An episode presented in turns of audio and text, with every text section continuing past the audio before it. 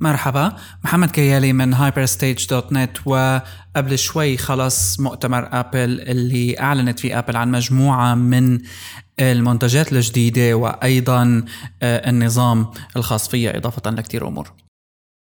طبعا ربما من أهم ميزات مؤتمر أبل أو حدث أبل هاد هو آه، التوقعات اللي كانت بين إنه العالم ما رح تتوقع شيء كتير وأبل ما رح تقدم شيء غير اللي بنعرفه من تحديث ربما لآيباد وآيباد جديد أو ربما إعلان عن ال OS X نظام OS X Mavericks الجديد الخاص فيها. وهذا حقيقة اللي صار.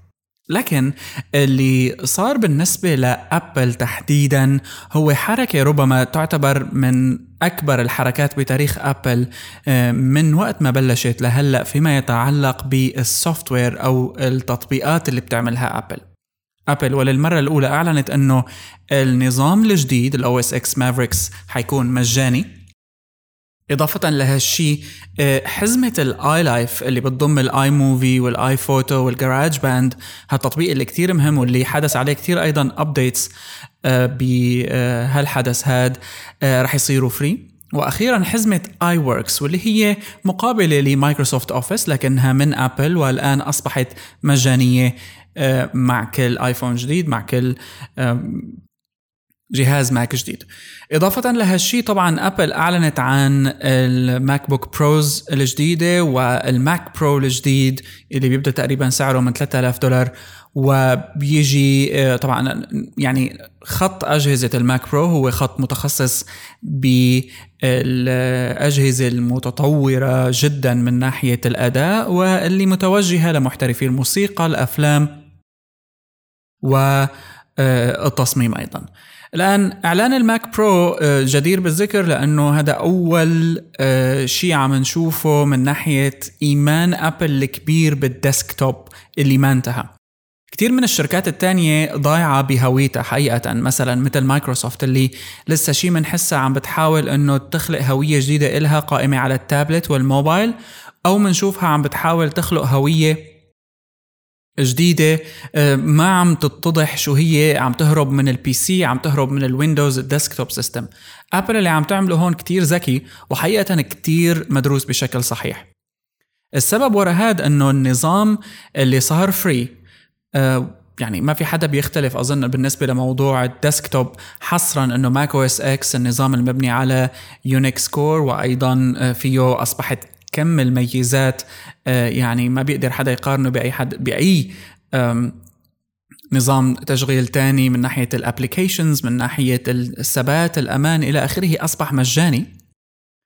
وأيضا آه، لا زالت أبل هي الشركة الكبيرة اللي عندها خط منتجات مثل الآيفون وال tablets اللي يعني حولت صناعة الموبايل إلى مقياس آه، مثل ما بيقولوا مقياس معياري حول العالم لا تزال تقوده بشكل أو بآخر لكنها لا تزال تشتغل على desktop بشكل كتير كويس وما في حدا بيصنع hardware أحسن من أبل سواء كان على مستوى أجهزة الماك بوك اير الماك بوك بروز الاي ماك الجديد وأيضا الماك برو اللي نزل. كل هالخط الأجهزة هاد هو آه، استثمار كتير كبير من أبل والآن بعد ما أعلنت على أنه ال OS أو نظام التشغيل أصبح مجاني. ويندوز 8 طبعا ما مانو مجاني حقه 200 دولار وفي منه تفريعات.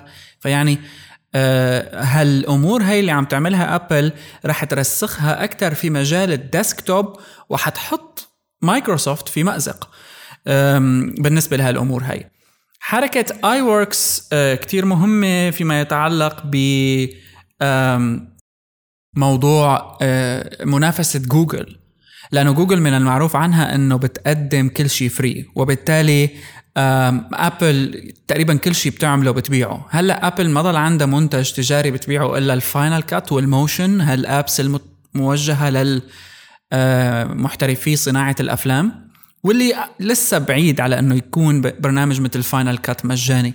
لكن بالنسبة لل applications الثانية خصوصا iLife اللي موجه ل يعني المستخدم اليومي للكمبيوتر من ناحية آه، صناعة أفلام أو صور أو صناعة موسيقى. GarageBand ما تطبيق بسيط فيما يتعلق بصناعة الموسيقى. يعني ممكن آه، يكون مستخدم آه، من قبل محترف موسيقي ويستفيد منه. كمان شغلة كتير كبيرة وكتير مهمة.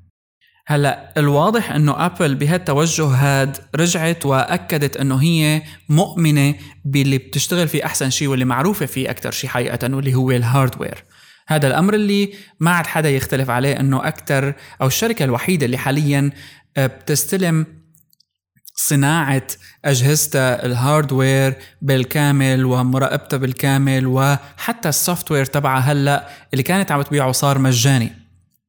القوة طبعا عند ابل في هذا الموضوع إنه وصلت ال App Store تبعها متجر التطبيقات على ايفون وعلى ايباد وحتى على الماك ال Mac OS X App Store وصلتهم لمرحلة من العطاء يعني أكثر من مليون app على ال App Store فوق رقم كتير كبير بالمليارات يعني 12 أو 16 مليار فيما يتعلق بقديش أبل صارت دافعة وهذا كله أبل عم تاخذ منه مصاري. يعني أي app بتنباع على ال App Store أبل بيطلع لها منها نسبة. فخلص المصاري من ال software بالنسبة لأبل أصبحت رح تجي ورح تضل تجي على طول. فما في منطق بإنه تضل تبيع applications تبعها لا. applications بدقة وبقوة ال iWorks ال Keynote app هذا تطبيق ال presentation اللي كتير بيحاولوا كانوا يعني يحصلوه لكن بالنسبة لموضوع التسعيرة كان غالي كان ما بيتناسب مع انتشار مايكروسوفت PowerPoint الكبير. هلأ ال Keynote صار مجاني. هذا بيعني إنه الكل رح يقلب Keynote بشكل أو بآخر. ال iLife ال Mavericks آخر إصدار أحدث شيء من ال OS X هذا رح يعني إنه الكل رح يحاول بقى يعتمد هذا الأمر وأصبح استثمار جيد بالنسبة لشخص إنه يدفع extra شوي مصاري ليجيب ماك لكن ال applications الأساسية اللي بتخليه آه، يعني اللي بيستخدم كمبيوتر لاستخدام اليومي همه البرودكتيفيتي أو الإنتاجية وتقريبا ابل حطت كل تطبيقاتها المتعلقة بالإنتاجية بشكل مجاني. وهون عم نشوف إنه ابل تعلمت من جوجل حقيقة هالعملية هي ولكن ابل عم بتطالع مصاري من كونها وسيط فيما يتعلق بالابلكيشنز ومبيعات الهاردوير طبعا ولكن جوجل عم بتطلع مصاري من الإعلانات. يعني حقيقه هذا شيء كتير مهم إنه ننتبه له فيما يتعلق بالطريقة اللي ابل هلأ عم بتحاول تنافس فيها وهي رجعة يعني ذكية على السوق. ما حكينا عن أي إنتاجات جديدة عملتها ابل لأنه ما أعلنت عن شيء ما في شيء كان التلفزيون متوقع كان ابديت على الأبل تي في ربما وأيضا كان عندنا الساعة اللي ما سمعنا عنها شيء. الكل كان عم بيقول إنه لا هذا الشيء ما راح يصير إلا لل 2014 وهذا طبيعي لأنه وصلنا لمرحلة التخمة وبالنسبة لأبل نزلت شيء جديد اللي هو الايباد إير الآيباد الجديد اللي بيشتغل على بروسيسور أحدث بروسيسور الاي 7 وأيضا أز... أنحف بكتير أخف وزنا بكتير. حافظت على الآيباد ميني وحافظت أيضا على الآيباد 2 وحقيقه يعني الآيباد 2 هو من أكثر الآيباد نجاحا بالنسبة لأبل لذلك حافظت عليه. والآيباد ميني رخصت سعره وأيضا نزل الآيباد إير الجديد هالخط من الأجهزة هذا رح يضمن لأبل إنه تضل تبيع أجهزة جديدة خصوصا مع الآيفون 5 اس وال5 سي مقبولة الكل مبسوط عليها لساتها يعني بشكل جديد كليا. والآن مع تحويل الابلكيشنز هاي تبع الديسكتوب مجانا صار في نقطة محورية كتير مهمة إنه الآب لما بتشتريها أنت على أو لما بننزلها على ماك أيضا افيلبل لإلي على الآيباد تبعي أيضا افيلبل لإلي على الايفون تبعي. فهون في عندي يعني السوفت وير أصبح مجاني على كل الأجهزة وما في داعي أدفع عليه مصاري وما سوفت وير عادي. يعني إحنا عم نحكي على كتير هاي كواليتي ديسكتوب ابلكيشنز لأمور كتير متطورة. جوجل لسه ما قدمت هيك شيء صراحة. يعني لما بنحكي على اي موفي هذا ما تطبيق بسيط. أو حتى اي بوكس أو حتى جراج باند هي ما تطبيقات يعني بسيطها وكان السعر اللي حاطته أبل أعتقد كان 10 دولارات تقريبا للأب كان يندفع. وبالتالي هلأ صار كله مجاني هذا الإعلان من أبل تمهيد لشيء جديد بقى حنشوفه من أبل. تقريبا أبل الاو اس لسه ما انتهت منه بشكل كامل خصوصا الاي أو اس يعني في تطويرات بصرية عم بتصير عليه شوي شوي لكنه خلص يعني مشي على الخط السريع.